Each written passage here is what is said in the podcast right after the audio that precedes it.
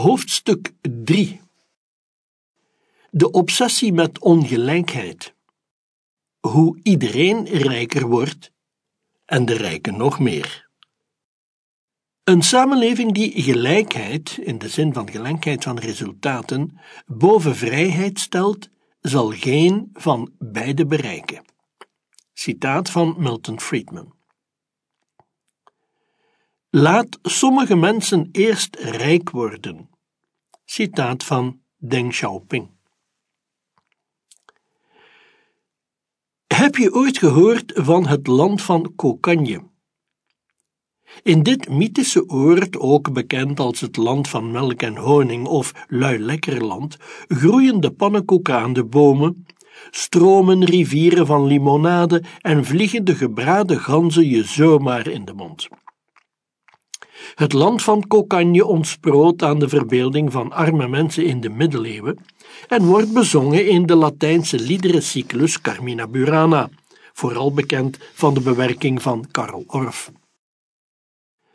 Als je een middeleeuwer met een tijdsmachine naar 2019 zou halen en meenemen naar een supermarkt, dan zou die zich ongetwijfeld in het land van Kokanje wanen.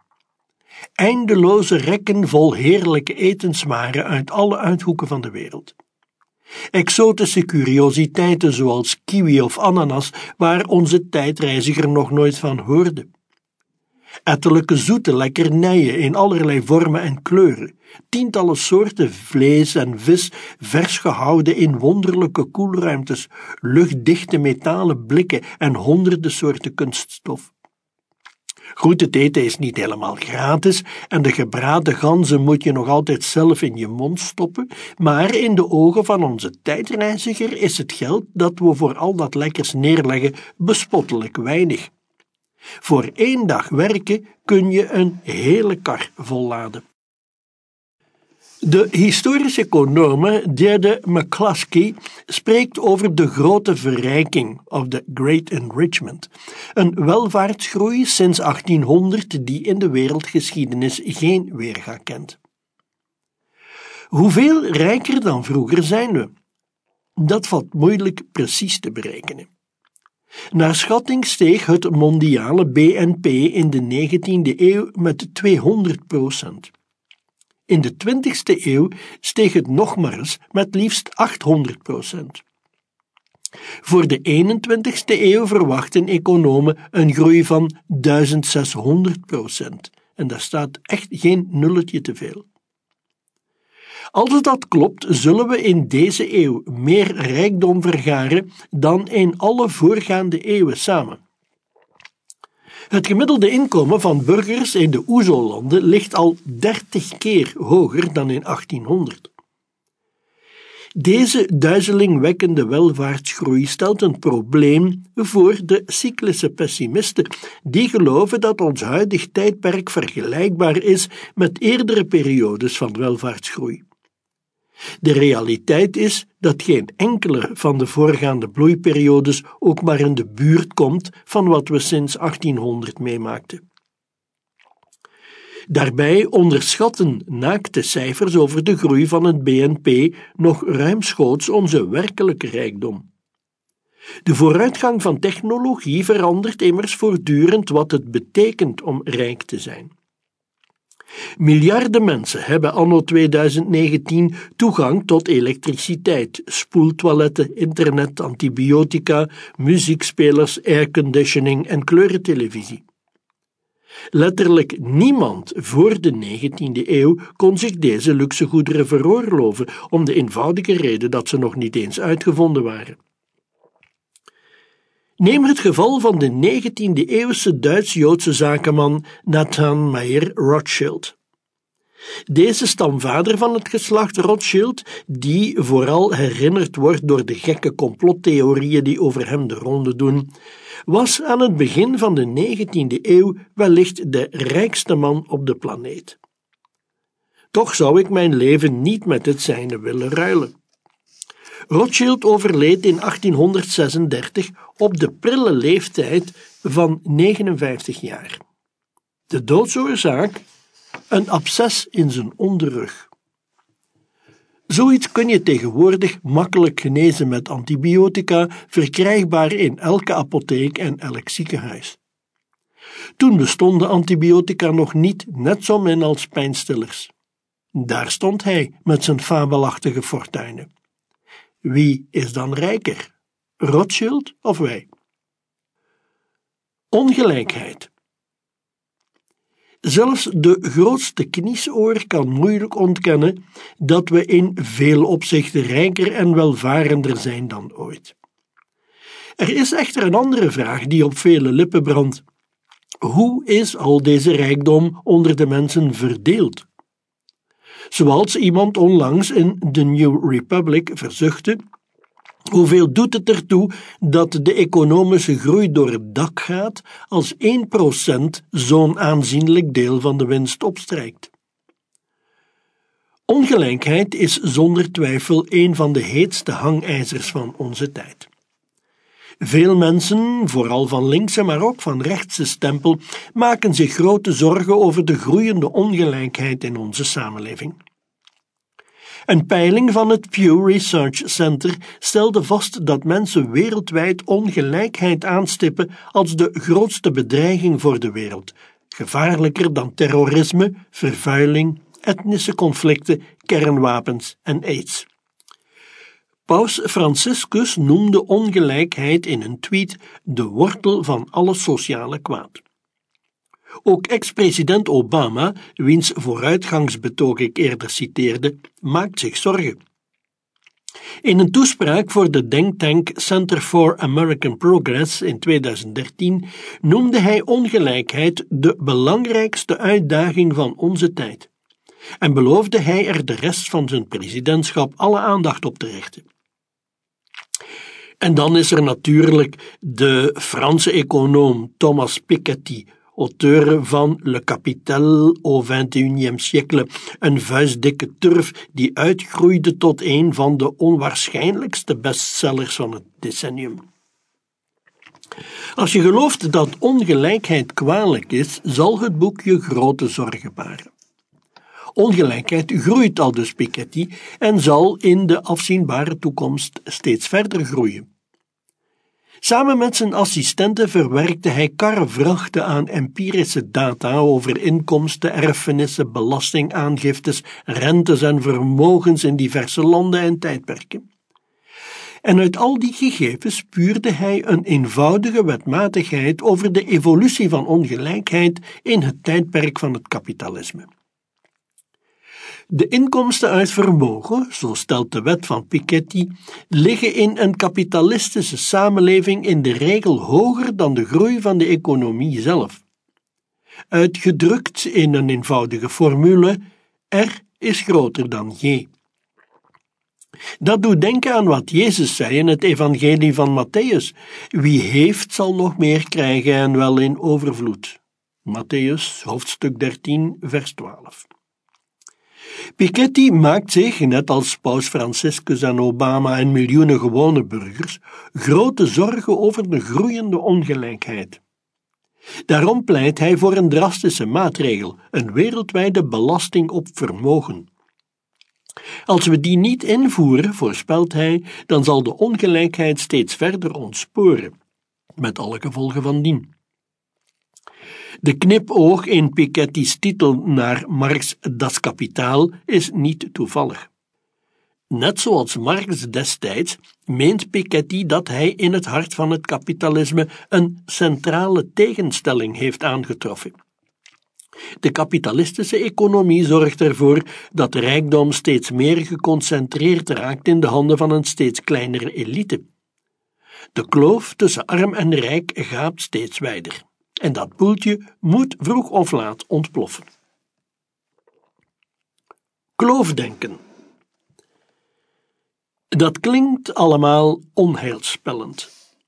Toch zijn er goede redenen om de doemberichten over ongelijkheid met meerdere korrels zout te nemen.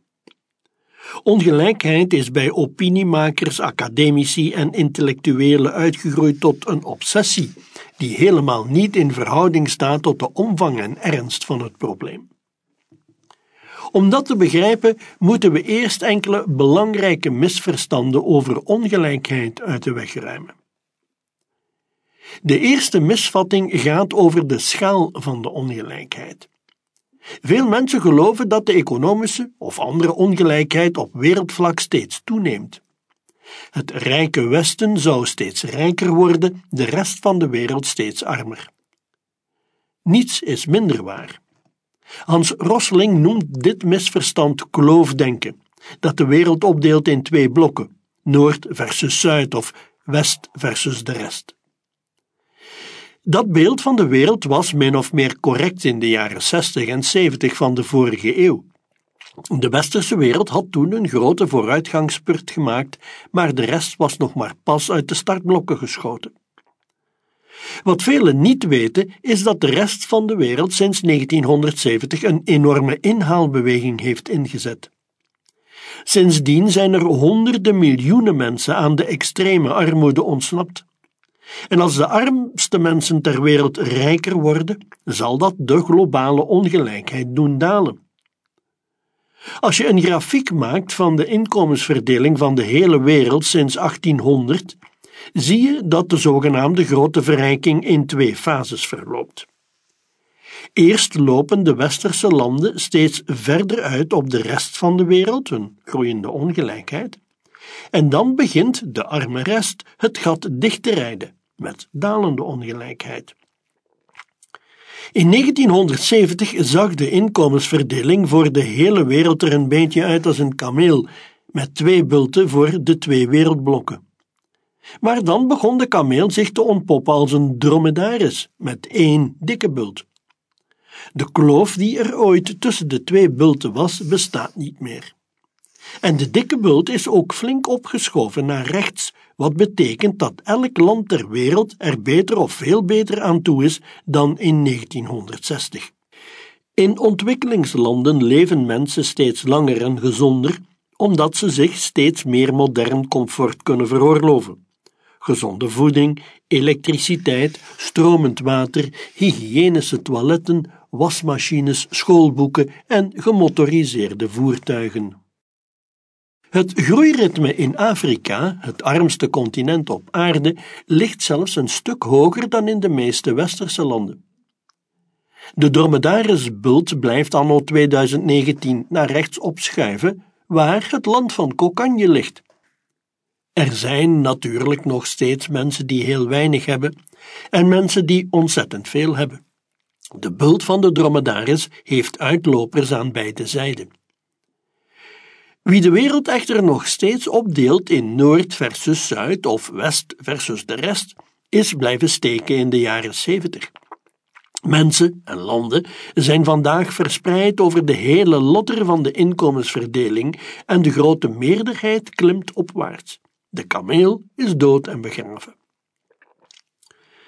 Waarop is de these van Piketty dan gebaseerd? Niet op de ongelijkheid op wereldschaal, maar op de ongelijkheid binnen bepaalde landen.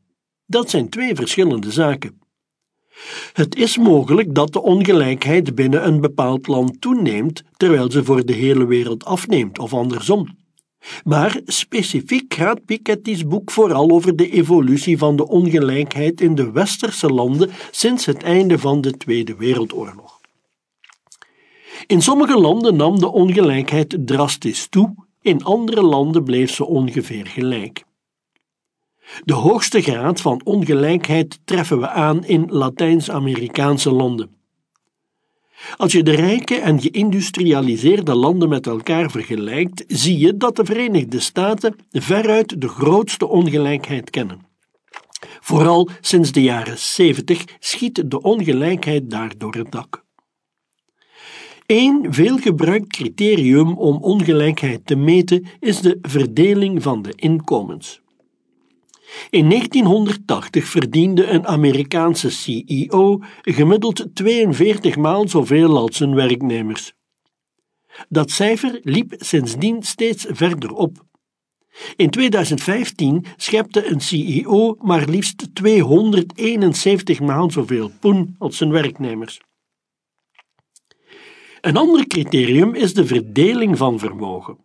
In 2016 bezat de top 1% rijkste families in de Verenigde Staten samen 38,6% van al het kapitaal. Hier loopt het voorlopig zo'n vaart niet. In Europa is de ongelijkheid sinds de jaren 70 min of meer stabiel gebleven of slechts licht gestegen, omdat Europese landen meer aan herverdeling doen. In België bijvoorbeeld bezit het rijkste procent van de bevolking slechts 12 procent van alle rijkdom. Ongelijkheid is geen armoede. De ongelijkheid is dus sterk toegenomen binnen bepaalde westerse landen en dan vooral de Verenigde Staten en het Verenigd Koninkrijk. Maar wat betekent dat? En dat brengt me bij een volgend misverstand in het ongelijkheidsdebat. Ongelijkheid is niet hetzelfde als armoede. Toch worden beide vaak door elkaar gehaspeld en soms zelfs door experts. Het is mogelijk dat iedereen in de samenleving rijker wordt, terwijl de ongelijkheid niettemin toeneemt. Dat kan als de vooruitgang met verschillende snelheden verloopt. Een sneltrein voor sommigen, een boemeltreintje voor anderen. Dat is precies wat gebeurde in de grote verrijking. Iedereen profiteerde ervan, maar sommigen veel meer dan anderen. In het maatschappelijk debat over ongelijkheid hoor je vaak de boetade dat de rijken steeds rijker worden en de armen steeds armer. Voor de wereld in haar geheel is dat onzin. Armen werden de afgelopen decennia steeds rijker. Maar ook wat de ongelijkheid binnen westerse landen betreft, is slechts het eerste gedeelte van de boetade terecht.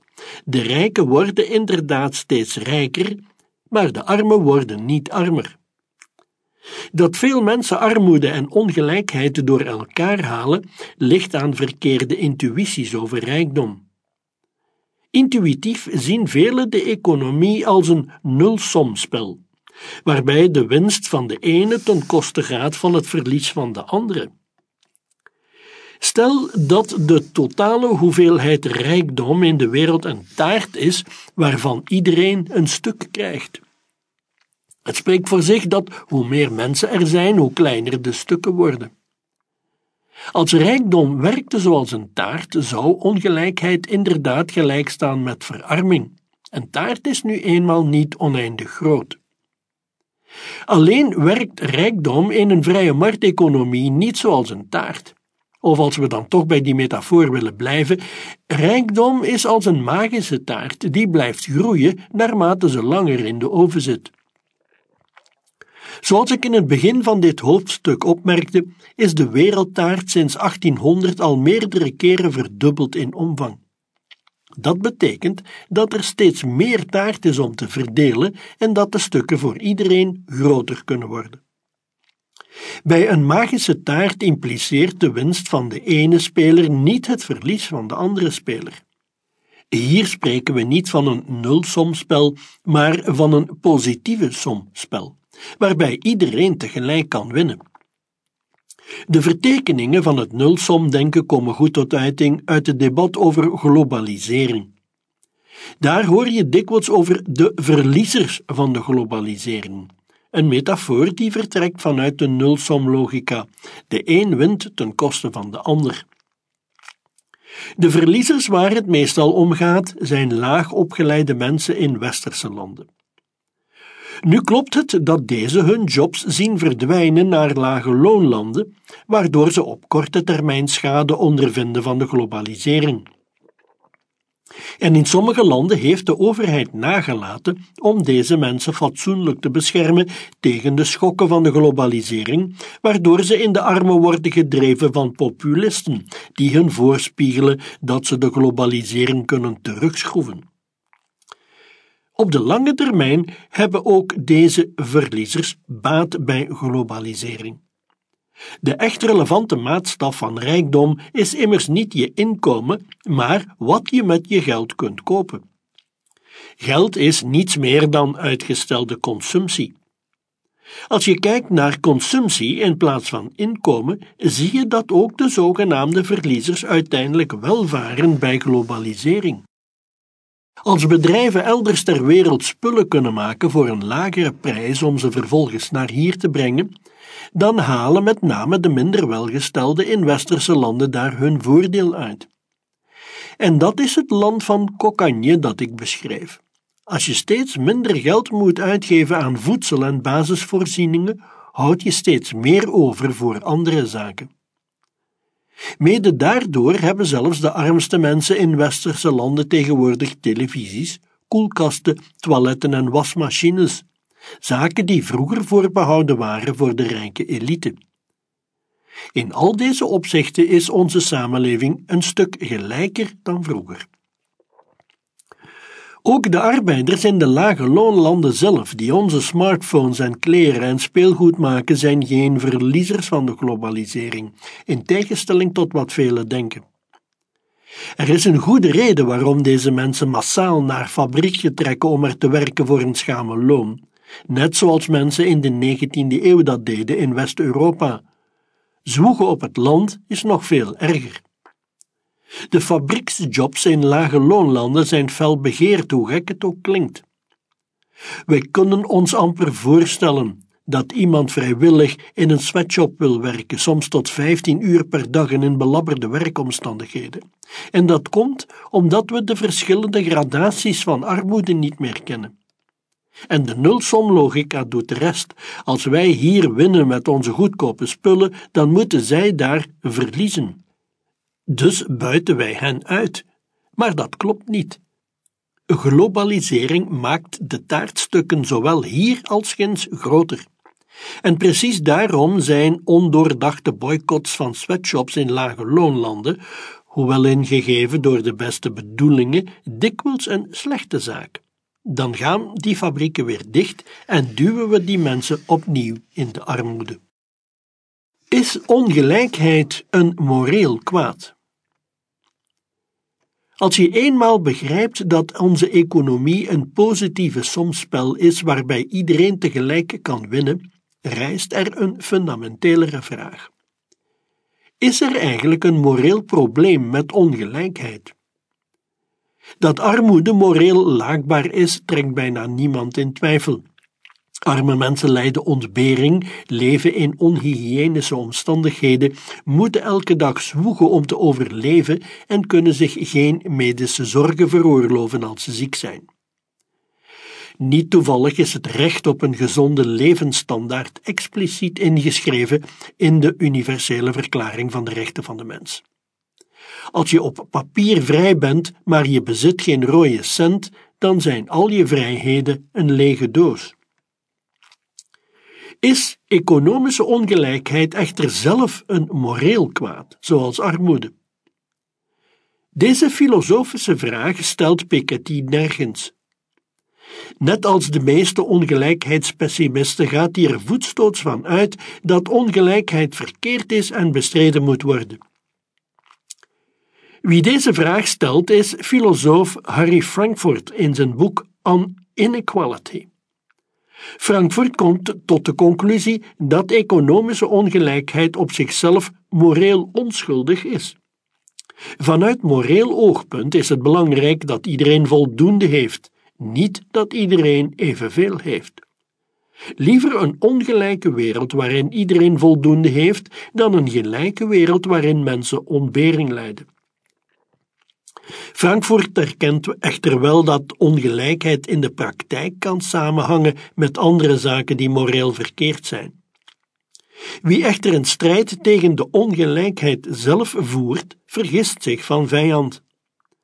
Daarom moeten we de kwestie volgens hem pragmatisch benaderen. Welke effecten heeft ongelijkheid zoal op onze samenleving?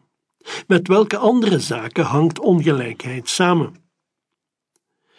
Een eerste ontnuchterende vaststelling is dat de grootste gelijkmakers van de geschiedenis bijna allemaal catastrofes zijn. In 1914, aan de vooravond van de Eerste Wereldoorlog, scheerde de ongelijkheid in Europese landen nog hogere toppen dan nu. In 1945, toen de kanonnen eindelijk zwegen, was ze spectaculair gedaald. Oorlog is een niets ontziende pletwals die alles met de grond gelijk maakt. Kapitaal wordt niet alleen vernietigd door bommen en tanks, maar ook door de hoge inflatie en dito belastingen die nodig zijn voor een algehele mobilisatie. Mark de Vos, professor arbeidsrecht aan de Universiteit Gent, schrijft daarover: Oorlog is de grootste herverdelingsmachine die ooit is bedacht. Niet toevallig staat de periode van de twee wereldoorlogen in de literatuur bekend als de grote gelijkmakeling of de Great Leveling. Andere beproefde gelijkmakers zijn natuurrampen, gewelddadige revoluties, ineenstortende staten en beurscrashes. Hetzelfde patroon is in de hele loop van de geschiedenis vast te stellen. Ongelijkheid stijgt in tijden van vrede en welvaart en daalt in tijden van oorlog en chaos. In een arme samenleving kan er ook niet veel ongelijkheid bestaan. Als je met z'n allen niets hebt, dan valt er niets te verdelen en zit iedereen samen op de bodem. Extreme ongelijkheid kan pas ontstaan wanneer een samenleving voldoende rijkdom vergaard heeft. In principe is het niet zo moeilijk om kunstmatig een gelijke samenleving tot stand te brengen. Je neemt gewoon geld af van wie er meer heeft en je doet dat net zo lang tot iedereen even arm is. Dat is precies wat gebeurde in de communistische landen. Privaat eigendom werd in beslag genomen en alle landeigenaars of kulaks die rijker waren dan de anderen werden genadeloos vervolgd. Het resultaat was dat iedereen even arm was of even dood. In kapitalistische samenleving bestond er wel grotere ongelijkheid, maar in absolute termen waren de armen er veel beter af dan in communistische landen. En dat geldt zeker voor de West-Europese landen die het kapitalisme temperen via herverdeling en een sterk uitgebouwde sociale zekerheid. De voorkeur was duidelijk, want de oversteek van het ijzeren gordijn was eenrichtingsverkeer. Tienduizenden mensen uit het communistische Oosten waagden lijf en leden om in het kapitalistische Westen te mogen leven, hoewel daar veel meer ongelijkheid heerste. En wie geeft hun, excusez le mot, ongelijk? Als je zelf geen rode cent hebt, is het een schrale troost dat je buurman evenmin een rode cent heeft. Samenlevingen die van gelijkheid hun voornaamste streefdoel maken, zelfs ten koste van absolute materiële welvaart, ontaarden in catastrofes. Geen wonder dat de econoom Walter Scheidel zijn lijvige studie over de geschiedenis van de ongelijkheid afrondt met deze onheilspellende woorden Ieder van ons die grotere economische gelijkheid op prijs stelt, zou er goed aan doen om zich ervan te vergewissen dat gelijkheid, op een aantal uitzonderingen na, slechts voortgebracht in leed en verdriet is. Denk goed na over wat je wenst. Groei en ongelijkheid. Niet alleen wordt gelijkheid vaak voortgebracht in leed en verdriet, maar ongelijkheid hangt ook samen met positieve zaken. Stel je voor dat we alle Belgische burgers morgen 50 euro kunnen schenken, zowel de armen als de rijken. De enige voorwaarde voor de deal is dat één willekeurige Belg, door een loterij aangeduid, 50 miljoen euro krijgt. Als we het die ene persoon niet gunnen dat hij of zij met die 50 miljoen gaat lopen, gaat de deal helaas niet door en ontvangen de arme mensen ook geen 50 euro. Is een dergelijke deal moreel aanvaardbaar? De ongelijkheid in de samenleving neemt er natuurlijk door toe. Eén persoon krijgt een miljoen keer zoveel als alle anderen. Volgens mij zou het echter immoreel zijn om het aanbod af te slaan. Je bewijst er arme mensen bepaald geen dienst mee. Toch geeft deze deal, een beetje kort door de bocht, weer hoe een vrije markteconomie ongeveer werkt. En dat gaat als volgt. Iemand heeft een geweldig idee en brengt het op de markt. Dat kan van alles zijn. Een aluminiumcontainer om frisdrank uit te drinken, klittenband om de kleding te sluiten, een slim algoritme om auto's te delen, een nieuw soort accu met een hoger rendement, een geweldig spannende roman. De bedenker wordt steenrijk. De miljoenen die zij zelf opstrijkt, vormen echter slechts een minieme fractie van de totale waarde die ze met haar vondst heeft gecreëerd. De rest wordt verdeeld over alle mensen die er vrijwillig voor kiezen om haar product te kopen.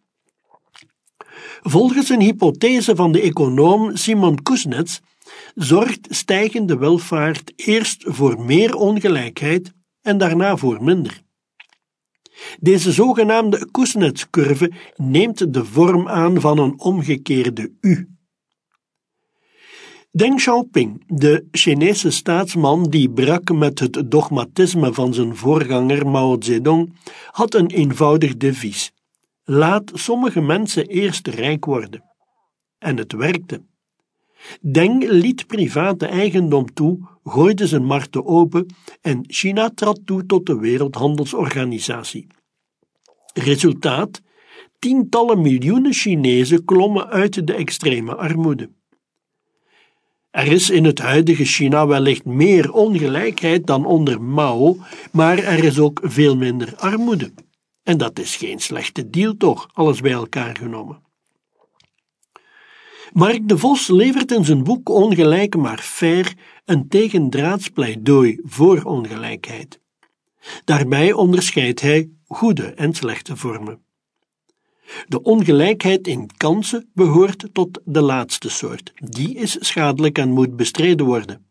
Maar, zegt de Vos, er is ook goede ongelijkheid, die voorkomt uit ongelijke inspanningen en talenten. Deze vorm van ongelijkheid is niet zomaar een neveneffect van de welvaartsgroei, ze is er een van de voornaamste motoren van. Daarom is ze economisch gezond, maatschappelijk nuttig en moreel verdiend.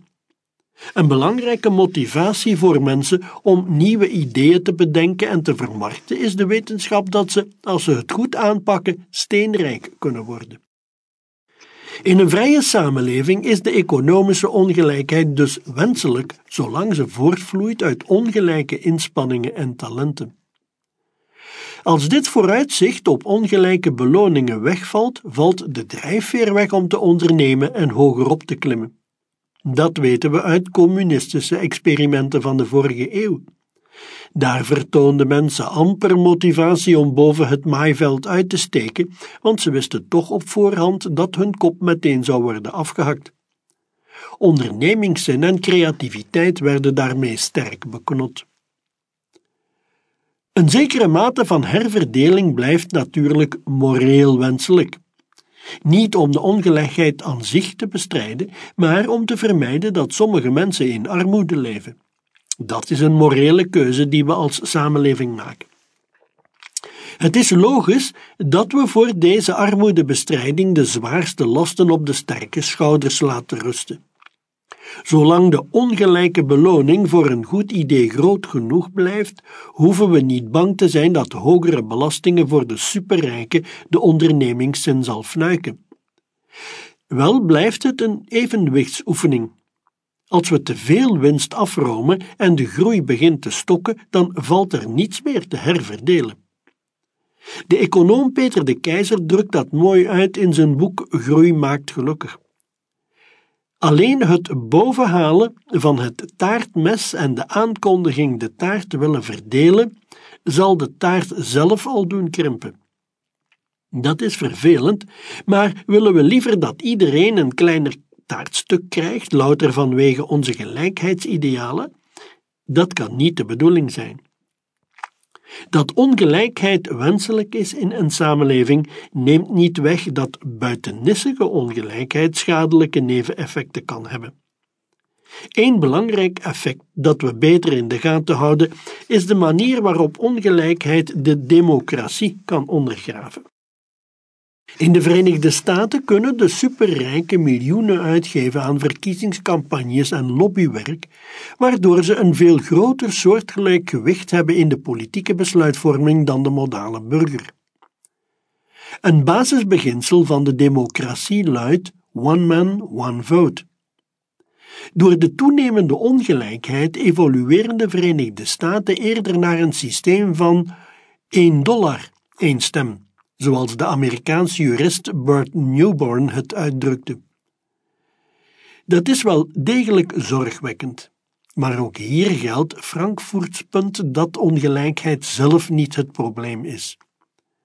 Als we de politieke invloed van de superrijken op een andere manier aan banden kunnen leggen, bijvoorbeeld door de verstrenging van de wet op campagnedotaties, dan is het probleem ook van de baan. Dat moeten we pragmatisch aanpakken zonder van gelijkheid zelf een heilige graal te maken.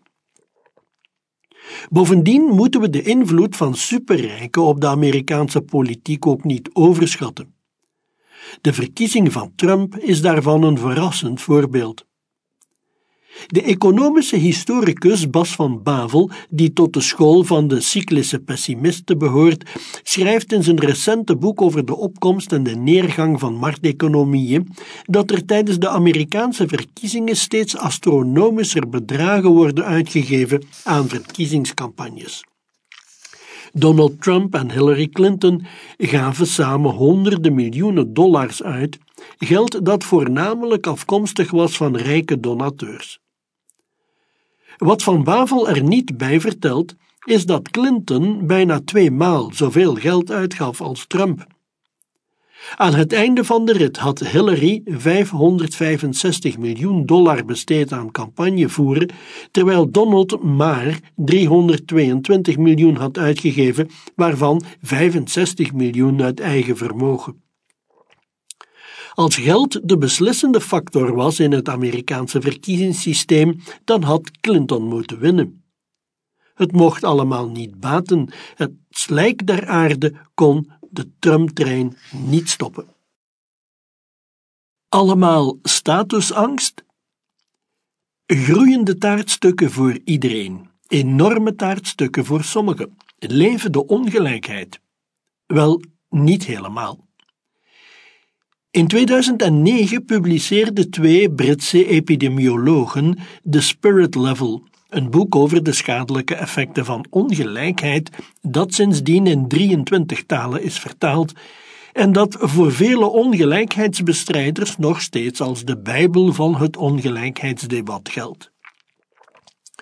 De auteurs heten Richard Wilkinson en Kate Pickett, en voor de ambitie van hun boek volstaat het de ondertitel te lezen. Why more equal societies almost always do better. Die stelling lijkt sterk in te druisen tegen mijn betoog en daarom kan ik in dit hoofdstuk niet om Wilkinson en Pickett heen. Met een berg grafieken trachten ze aan te tonen wat Paus Franciscus ons al vertelde en wat velen in hun kleine teen aanvoelden. Ongelijkheid is de bron van zo goed als bijna alle sociale kwaad. In landen met meer ongelijkheid, betogen ze, ligt de levensverwachting lager, zijn mensen vaker ziek en bestaat er minder sociale cohesie. Er zijn meer criminelen, meer druggebruikers, meer gedetineerden en meer zwangere tieners en mensen met obesitas. De boodschap op de voorkaft van Wilkinsons eerdere boek, Mind the Gap, wint er nog minder doekjes om. Inequality kills. De theorie van Wilkinson en Pickett draait rond het concept statusangst. Mensen zijn sociale dieren die erg gevoelig zijn voor status, dat wil zeggen hun relatieve positie ten opzichte van soortgenoten. Als we het beter doen dan onze medemens, voelen we ons goed. Als we helemaal achteraan bengelen, voelen we ons miserabel. De rest van hun model is eenvoudige logica. Hoe ongelijker de samenleving, hoe groter de kloof tussen het plafond en de bodem, dus hoe groter de hoeveelheid statusangst, behalve voor wie zich helemaal aan de top bevindt. Als dit klopt, werpt de theorie van Wilkinson en Pickett een donkere schaduw over de grote verrijking van de afgelopen twee eeuwen. Een kleine elite loopt steeds verder vooruit, de rest hinkt achterop. Dat we met z'n allen niettemin rijker zijn dan onze voorouders is volgens Wilkinson en Pickett een schrale troost. Mensen vergelijken zich met de levende, niet met wie al lang op het kerkhof ligt. De achterblijvers zien dat er een enorme kloof graapt tussen hen en de superrijken en dat tast hun gevoel van zelfwaarde aan. In de woorden van Wilkinson en Pickett, ongelijkheid kruipt onder de huid. Mensen krijgen het gevoel dat de happy few op hen neerkijken vanaf hun luxe jachten en vanuit hun gated communities. Massacommunicatie en sociale media maken extreme rijkdom nog opzichtiger. Vroeger waren de superrijke nobele onbekenden. Tegenwoordig kan iedereen bij hen over het muurtje kijken. De Indiase schrijver Pankaj Mishra, die in 2017 wereldwijd furoren maakte met Age of Anger, spreekt over een globale epidemie van afgunst en ressentiment vanuit Europa verspreid over de rest van de wereld. Een kleine elite van superrijken steekt de rest van de wereld de ogen uit. Afgunst is parochiaal. Snijdt de theorie van Wilkinson en Pickett hout? Een eerste probleem is dat hun betoog vooral gebaseerd is op correlaties, dus statistische verbanden tussen ongelijkheid enerzijds en diverse maatschappelijke kwalen anderzijds. In zo'n kluwe van correlaties is het lastig om oorzaak en gevolg te onderscheiden. Misschien is ongelijkheid de bron van alle kwaad, maar misschien is er een andere oorzaak die om een of andere reden met ongelijkheid samenhangt. Of de relatie kan ook gewoon andersom zijn. Wilkinson en Pickett stellen dat meer gelijkheid voor meer sociale cohesie zorgt, maar het is ook mogelijk dat sociale cohesie zelf de oorzaak is van meer gelijkheid. Mensen die een hechte gemeenschap vormen, zijn meer solidair met elkaar, wat de ongelijkheid in een samenleving doet afnemen. Als mensen elkaar niet vertrouwen, zal er minder animo zijn om belastingen te betalen en te herverdelen. Dat geld gaat dan namelijk alleen maar naar zogenaamde profiteurs en parasieten. En door dat wantrouwen stijgt de ongelijkheid. Een tweede probleem is dat Wilkinson en Pickett graag aan kersenpluk doen, zoals dat heet in de statistiek. De kersen of datapunten die in hun mandje pasten, worden geplukt, de rest laten ze liggen. Een grote beperking van hun boek is dat ze enkel kijken naar rijke en welvarende landen. Die kennen sowieso al een hoge levensverwachting en levensstandaard, waardoor ze dicht tegen elkaar aanschurken in de grafieken. De ontwikkelingslanden laten ze buiten beschouwing, want die kersen passen minder goed in hun verhaal.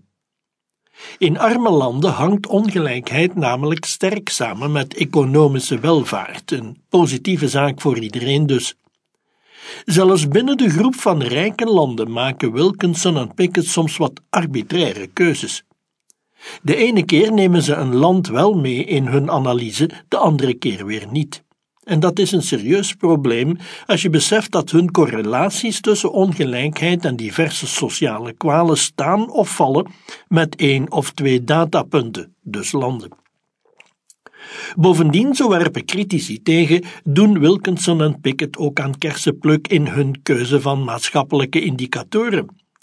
De problemen die niet duidelijk samenhangen met ongelijkheid, zoals zelfmoordcijfers, laten ze buiten beschouwing.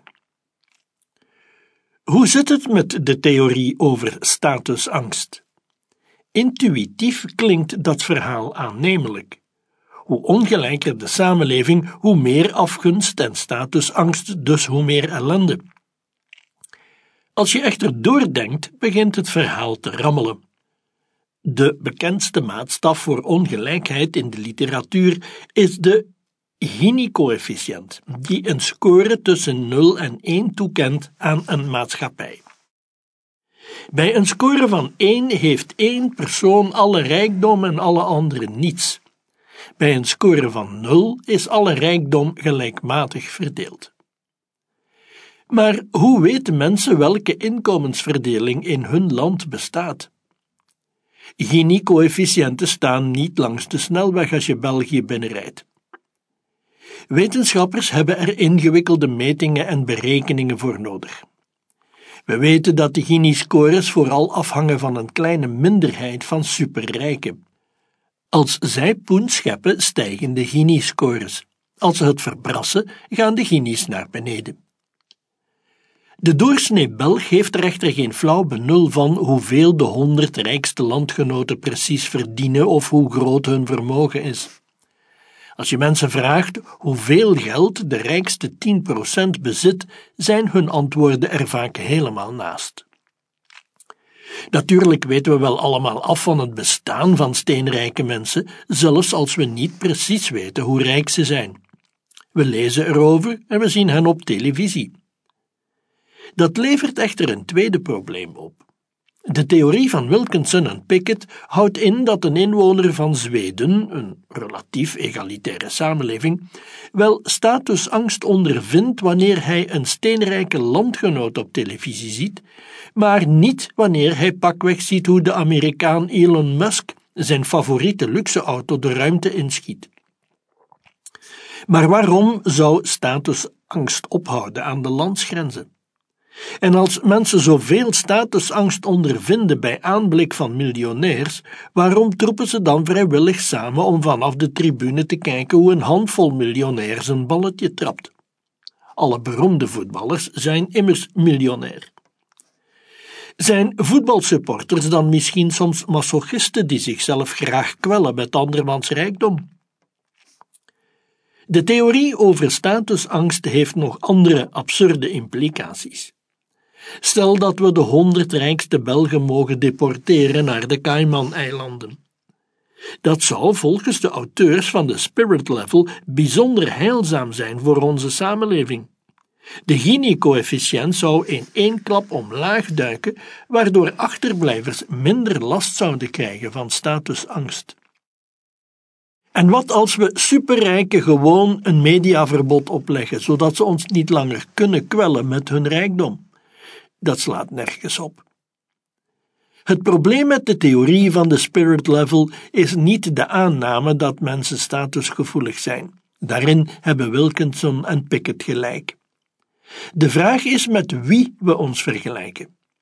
In werkelijkheid is afgunst veel eer kleinschalig en parochiaal. De Amerikaanse schrijver Gore Vidal zat een stuk dichter bij de waarheid toen hij eerlijk toegaf telkens als een vriend ergens in slaagt, sterf ik een beetje. Niet zozeer de onbekende miljonair op televisie steekt mij de ogen uit, als wel de collega die de promotie kreeg die aan mij voorbij ging. Of de schoonbroer die een Porsche koopt die ik niet kan betalen. De filosoof Bertrand Russell merkte ooit op: bedelaars zijn niet jaloers op miljonairs, maar natuurlijk zullen ze jaloers zijn op andere, succesvollere bedelaars. Hetzelfde geldt aan de top van de ladder. Mensen die afgunstig zijn op miljonairs zijn vaak zelf miljonair. De een kan niet verkroppen dat de ander de nieuwste Lamborghini in zijn garage heeft. De Amerikaanse satiricus Herbert L. Mencken gaf ooit de volgende definitie van rijkdom. Elk inkomen dat ten minste 100 dollar meer bedraagt per jaar dan het inkomen van de man van de zus van je vrouw. Dit soort parochiale afgunst, wat je er ook over denkt, zal altijd bestaan. Zelfs in een egalitaire wereld zullen we altijd een buur of een schoonbroer hebben die meer verdient dan wij. Een ander probleem met de theorie van Wilkinson en Pickett is dat ze op een schraal en materialistisch mensbeeld berust. Er zijn talloze andere manieren om met elkaar te concurreren dan met ons loonbriefje. De een blinkt uit in de beoefening van sport, de ander in schone kunsten, een derde in zijn levensstijl of goede smaak. Sociale status is erg gediversifieerd. Afhankelijk van het sociale milieu gelden er andere normen. Sommige topbankiers troeven elkaar af met hun eindejaarsbonussen, maar in andere sociale kringen, de mijne bijvoorbeeld, wordt een dergelijk winstbejag als hol en oppervlakkig gezien en geldt het misprijzen voor het slijk der aarde als statusverhogend. Verschillende groepen mensen kunnen op elkaar neerkijken omdat ze verschillende maatstaven van sociale status hanteren. De bankier misprijst de kunstenaar omdat die er zoveel bij loopt en van de bijstand leeft. Maar de kunstenaar kijkt op zijn beurt neer op de bankier, omdat hij niets afweet van de schone kunsten en lelijke merkkledij draagt. De aard van het menselijk beestje is een stuk complexer dan Wilkinson en Pickett het doen voorkomen. Aversie voor ongelijkheid. Harry Frankfurt stelde dat ongelijkheid moreel onschuldig is, maar deelt de doorsnee burger dat morele oordeel. Oxfam maakte vorig jaar bekend dat de acht rijkste mensen ter wereld, volgens hun berekeningen, evenveel bezitten als de armste helft van de mensheid samen. Dergelijke cijfers wekken brede morele verontwaardiging. Volgens sommige psychologen heeft de menselijke geest een natuurlijke ongelijkheidsaversie, een afkeer van ongelijkheid. Observaties in andere culturen lijken dat te bevestigen. Als er ergens iets te verdelen valt, kiezen mensen doorgaans voor gelijke stukken.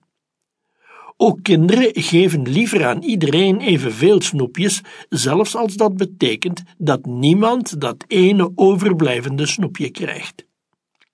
Mensen zijn zelfs bereid om anderen te bestraffen wanneer ze goederen ongelijk verdelen. In zijn boek Een tijd voor empathie vat de Nederlandse primatoloog Frans de Waal die ongelijkheidsaversie als volgt samen.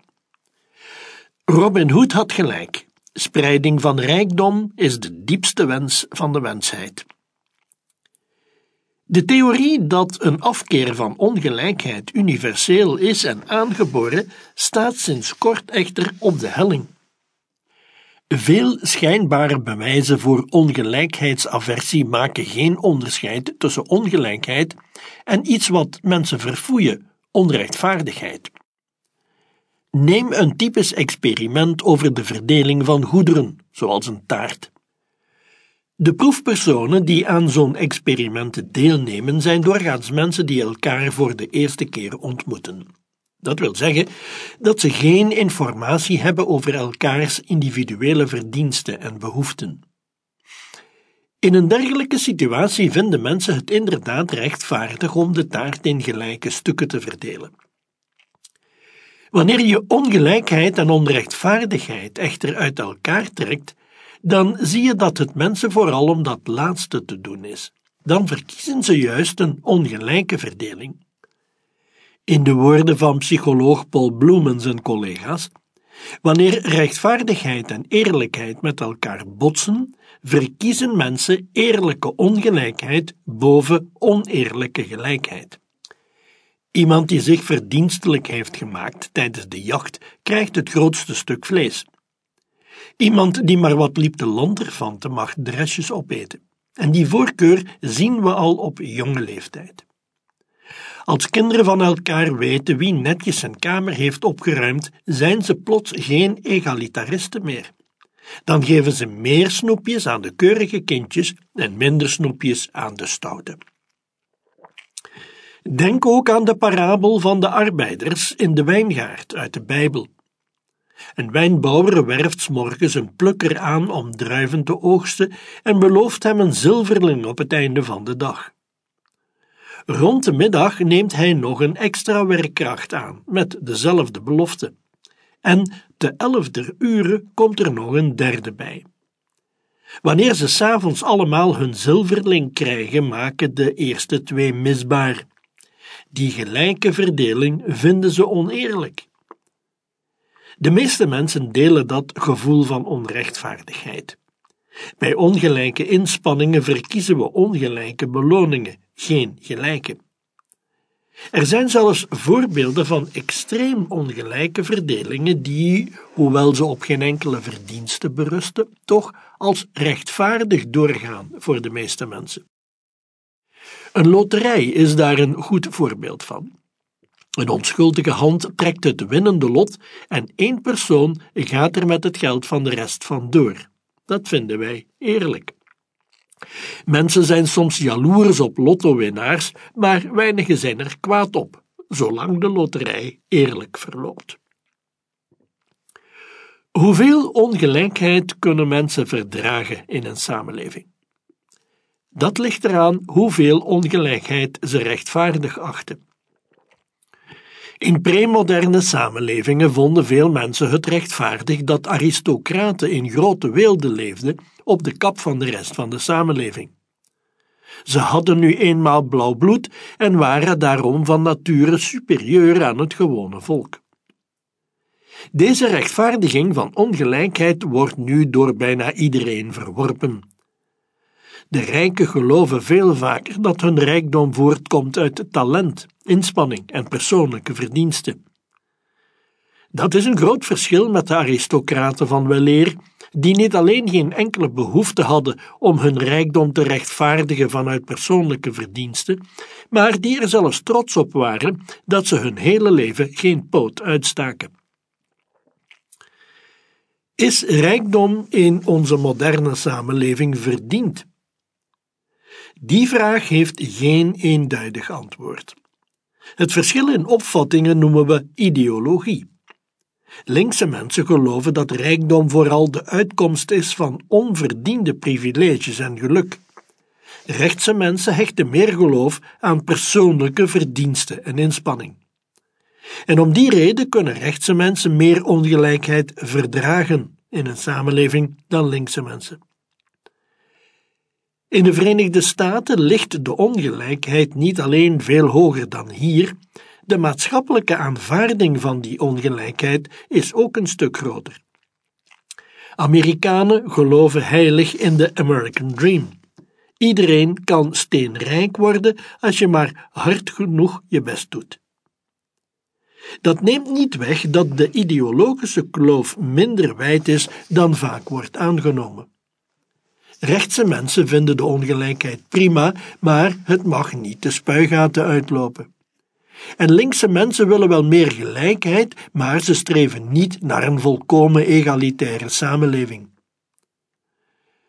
Of we nu links of rechts zijn, de meeste van ons liggen niet wakker van extreme rijkdom aan zich. Dat auteurs als Dan Brown of J.K. Rowling multimiljonair werden met de verkoop van hun boeken, is hun in de ogen van de meeste mensen gegund, zelfs als ze voor een stuk gewoon geluksvogels zijn. En dat topvoetballers miljoenen scheppen door af en toe een balletje te trappen, lijkt de meeste supporters niet te deren.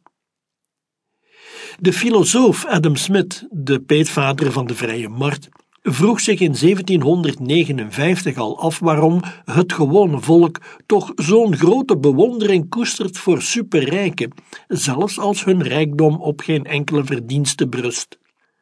Als Smit in de 21ste eeuw had geleefd, zou hij even verbaasd zijn over de mensen die zich voor de tv vergapen aan het decadente leven van de Kardashians. Als je een beetje doorvraagt bij mensen die zich opwinden over extreme ongelijkheid, merk je dat het toch vooral om onrechtvaardigheid gaat, zoals Paul Bloem schreef. Mensen zijn niet kwaad op topbankiers omdat ze veel geld scheppen, maar vooral omdat ze casino speelden met andermans geld en nooit ter verantwoording werden geroepen. De banken werden van de ondergang gered met belastinggeld, maar de verantwoordelijke ontsprongen de dans en kregen op de koop toe een riante ontslagvergoeding. Dat vinden veel mensen oneerlijk en terecht. Hetzelfde geldt voor de belastingparadijzen. Dat mensen miljoenen per jaar verdienen is hun gegund dat ze vervolgens echter dure consultants betalen om aan fiscale optimalisatie te doen via achterpoortjes en ingewikkelde constructies, terwijl de modale burger gewoon belastingen moet betalen, dat stuit iedereen tegen de borst. Dat moeten we bestrijden, niet vanuit een weerzin voor ongelijkheid, maar vanuit een gevoel voor rechtvaardigheid. Dat de rijkste mensen naar verhouding het minste belastingen betalen van allemaal, is inderdaad hemeltergend. Verstokte pessimisten. Is de groeiende ongelijkheid een reden om ons zorgen te maken? Als je sommigen moet geloven, bestaat er geen groter kwaad. De historicus Tony Judd doet in zijn boek Ill Fares the Land de volgende krasse uitspraak. Van alle concurrerende en slechts gedeeltelijk verenigbare doelen die we nastreven, zou de vermindering van ongelijkheid op de eerste plaats moeten komen. Op de eerste plaats Letterlijk genomen betekent die uitspraak dat pakweg armoede, kindersterfte, milieuvervuiling, politieke vervolging, burgeroorlogen en onderdrukking minder erg zijn dan de grote boeman genaamd ongelijkheid. Als je het mij vraagt, is deze stelling immoreel. Armoede, om maar iets te zeggen, is veel erger dan ongelijkheid. Onze prioriteit moet uitgaan naar die 700 miljoen mensen die nog steeds in extreme armoede leven, en niet naar de paar duizend die in extreme rijkdom leven. De hedendaagse obsessie met ongelijkheid kan je zien als een toepassing van de wet van behoud van gezeik. Nu de armoede in de wereld steeds verder wordt teruggedrongen, verleggen cultuurpessimisten het front. Het draait niet langer om wat de armen niet hebben, maar om wat de rijksten wel hebben. In academische studies zie je overigens dat het begrip armoede steeds vaker wordt herijkt als een relatieve maatstaf. Iemand is arm wanneer hij bijvoorbeeld minder dan de helft verdient van het mediane inkomen in een samenleving. Daarmee wordt de armoedegrens natuurlijk een bewegend doelwit dat mee opschuift met de toenemende welvaart. Vergelijkingen tussen landen zijn dan ook niet langer zinvol, want de armoedegrens verschilt van land tot land. In die nieuwe definitie staat armoede dan ongeveer synoniem met ongelijkheid. De keizer schrijft daarover door de armoedemaatstaven op deze manier te construeren, wordt ongelijkheid bijna automatisch vertaald als armoede. Op die manier blijven onderzoekers de zware term armoede gebruiken, zelfs als iedereen in de samenleving erop vooruit gaat. Het wordt tijd om die moderne obsessie met ongelijkheid of relatieve armoede te laten varen. Niet alleen is ongelijkheid op zich geen moreel kwaad, in zekere opzichten is ze zelfs wenselijk. De kans om veel geld te verdienen met nieuwe ideeën of vondsten zonder dat de overheid alles weer afpakt en herverdeelt, is een beproefde drijfveer van innovatie en vooruitgang. Als ongelijkheid voortkomt uit ongelijke inspanningen of een dosis geluk, dan is ze maatschappelijk wenselijk. Als ze voortkomt uit bedrog, onverdiende privileges, fraude of belastingontduiking, dan moeten we ze bestrijden. En om nog even terug te komen op Piketty, zijn doembeelden over een steeds stijgende ongelijkheid zijn overtrokken. Meerdere economen hebben de ijzeren wet van Piketty over de groei van kapitaal op de korrel genomen, op basis van technische argumenten over de definitie van kapitaal, waarvan de behandeling me hier te ver zou voeren. Er zijn dus geen goede redenen om aan te nemen dat de ongelijkheid in onze samenleving altijd en overal zal blijven toenemen. Extreme rijkdom zal ongetwijfeld wel blijven bestaan, net zoals moreel verwerpelijke vormen van spilzucht en consumptie door superrijken. Toch zijn alarmistische rapporten als die van Oxfam over de superrijken misleidend. In de eerste plaats appelleren ze aan een schadelijke vorm van het nulsomdenken, waarbij rijkdom wordt voorgesteld als een taart van vaste omvang.